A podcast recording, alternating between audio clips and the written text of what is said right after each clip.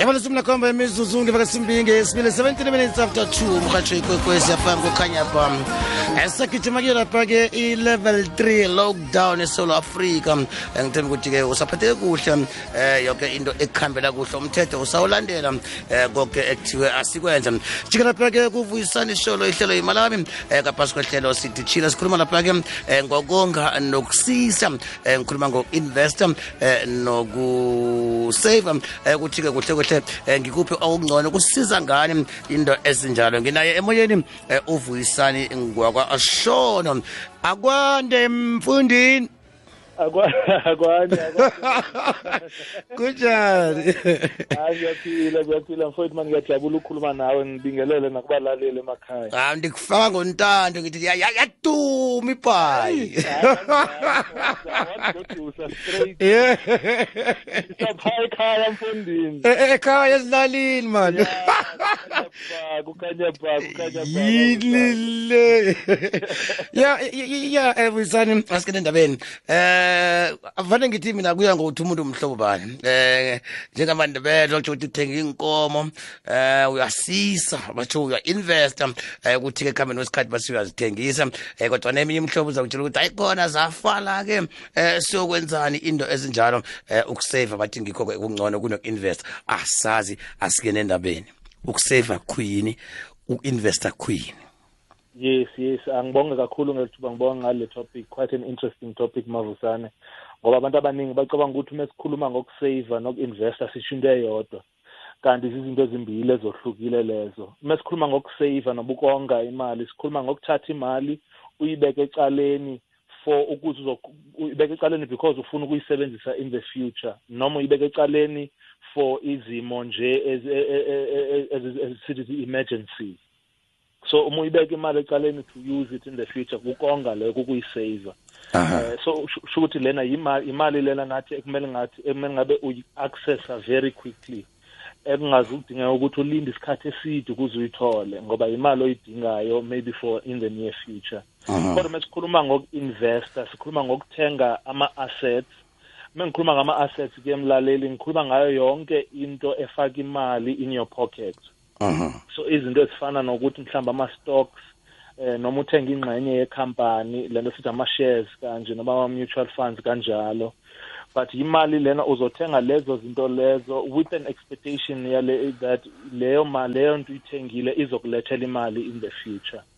So kulapho kohluka khona phakathi kwe-savings ne-investment. So uma uma- uma usonga imali uyonga because uzoyisebenzisa in the near future but uma uyi-investor uthenga lokhu kuzokungenisela imali in the future. Ya- ngiya- ngiya- ngiyakuzwa ngamanye amagama-ke um ngendlela okhuluma ngakhona nga- u- u- uthi u-investor ngiya- ngiyafuna ukuthi wenze i-research ukuseva ngathi akufuni i-research ngiqinisile?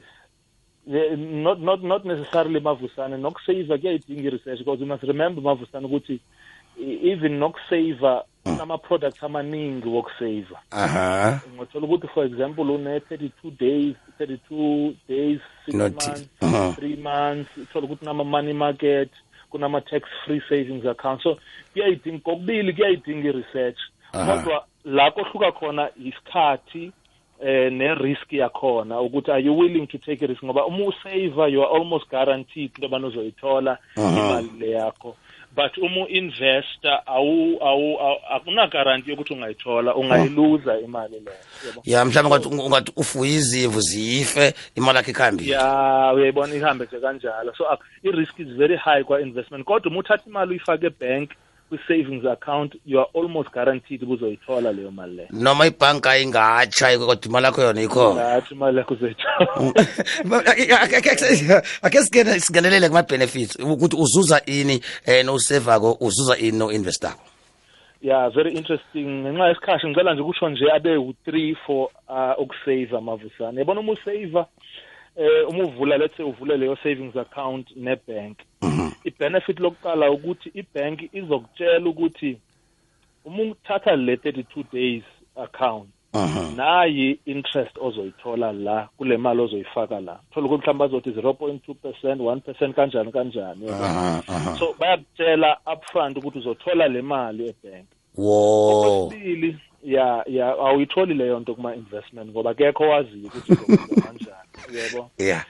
So so so so la okwesibili ukuthi even though incane imali oyitholayo ebank ama-chances okuthi uyiluze mancane kakhulu. Mhm. Even though uthola imali encane in terms of interest but you are almost guaranteed that uzoyithola le mali oyifakile khona ebank. Okokugcina eh i mean ukusave kulula uvula ibhank noma uvula leyo savings product noma uye kulo insurance company enama savings products bese ukusiza usave kanjalo very simple. Kodwa uma ubuka la kuma investment eh for example uzothola ukuthi ama products afana ne ne ne stocks kanje yo yo yo yo yo yo yo ETFs yo mutual funds uthola ukuthi mhlambi in terms of imali aba inzuzo oyitholayo ngokuthi usavile iba nkulu yona. Mhm even though yize ungazukwazi ukuthi uzoyithola nini noma mhlawumbe uzoluza noma uzogaina kodwa uma usugaina ugaina kakhulu. Compared to ama saving. Okugcina la kuma investment uzothola ukuthi uma uinveste ku something wafaka imali yakho mhlambi lethe wathenga lezo zinkomo inkomo lezi besikhuluma ngazo uzothola ukuthi kulula ukuthi uyiconverte into cash. Lanto sithi liquid liquid ngokwe financial term. Aha. Kanjani? Ngoba uzothola ukuthi uma ukuthi unenkomo la unomntwana odinga umsesikolweni yakhona ukuthatha lezi nkomo uyozithengisa. Uthole imali. So yenye yama yama yama benefits wawo i-investing leyo. Esithola so mesiqathanisa zokubili investing investment and saving. Aha. Yeah. Abanye vane bakhulumisa indaba ukuthi mhlawumbe ngazi kuhlukilena eh bathi nofundisa umntwana kufana nokuthi uyasisa uya investor yes ne kodwa kodwa mavusana i-argument leyo engingayithandi kakhulu. ngoba isizathu mavusana ile sokuthi uma ukuthi uya-investa emntwaneni makube ukuthi u-investa kwikusasa lakhe. Makungabi ukuthi ufaka imali ngoba ufuna ayibuyise back kuwena leyo mali. Ngoba ibaphilisa kabuhlungu abantwana leyo nto yile nto eshayana kwi-black tax manje. Uthola ukuthi akuzwana kuma-families abazali abazwani. Ney'ngane zabo ngoba umzwali umzali ufake imali ngenhloso yokuthi izophinda ibuye futhi. Aha. That's why singayi-encourage leyo nto angi-encourage nhlobo. Makube ukuthi if uthi uya-investa u-investa khona ukuze lo mntwana lo in the future abe nekusasa eliqhakazile futhi mhlambe angazi ukudinga nix la kuwe maybe in the future. Even if kuthiwa khona okudingayo in the future usengumntwana wakho useyingane yakho so futhi you have to contribute as well. So iba iba yilo zotho kuma kuma ne-conflict eningi mavusana manje ubona ukuthi akukho right manje in terms of i-relationship siyayi-affect i-relationship leyo nto. Aha. Lasikhuluma kukhulukhulu lapha ngo-investor. Masikhuluma ngoku-investor esikhathini esiningi. Um mhlambe ubungozi eh namtjana ubulula obuhle eh boku-investor namtjana kokusisa ngento ephilako bungangani bukuphi? Okay mavuse a good question. Eh ubuza imibuzo egood mavusane la hey very interesting questions. Uh, uh ake siqale la ukonga kusave kusave kunama drawbacks akhona amavusana khona ukuthi uthola nje izinto ezingekho right. Umzekelo bese sikhulumile ngaloko ukuthi uzothola ukuthi mhlambe uma usave uma wonga imali yakho uyifake ebank uzothola ama returns owatholayo mancane kakhulu imali oyitholayo kuyona. Okwesibini the more time ospendayo or the more isikhathi sihamba unemali esebank ngenxa yento esithi mesibiza i-inflation i-purchasing power yale mali iyehla. Ngenza umzekelo ukwazi umlaleli ekhaya acacele. Uzothola ukuthi isinkwa ngo-2000 wawusithenga nge-10 rand. Ngenza umzekelo isibonelo. Kodwa ngo-2020 sesiwu-15 rand manje. So uma ukuthi wena bewubeke imali ebhenki ukuze uzokhona ukuthenga isinkwa ngo-2020 uzothola ukuthi uyaluza. Ngoba manje sesikhosta more than le mali onayo lanto sithi i-purchasing power. Yeah. So that's the drawback ye-saving yona it's good savings is very good but inaleyo ma-setback ukuthi imali yakho ayingahlali isikhathi eside ebhenki. uyabona? So kodwa uma ucheck la kuma investment kanjalo nalapha akhona ama drawbacks akhona amavusana ngoba uzothola ukuthi for example ama return noma imali ozoyithola la uma uyi-investile ayikho guaranteed nokuthi uzoyithola le mali.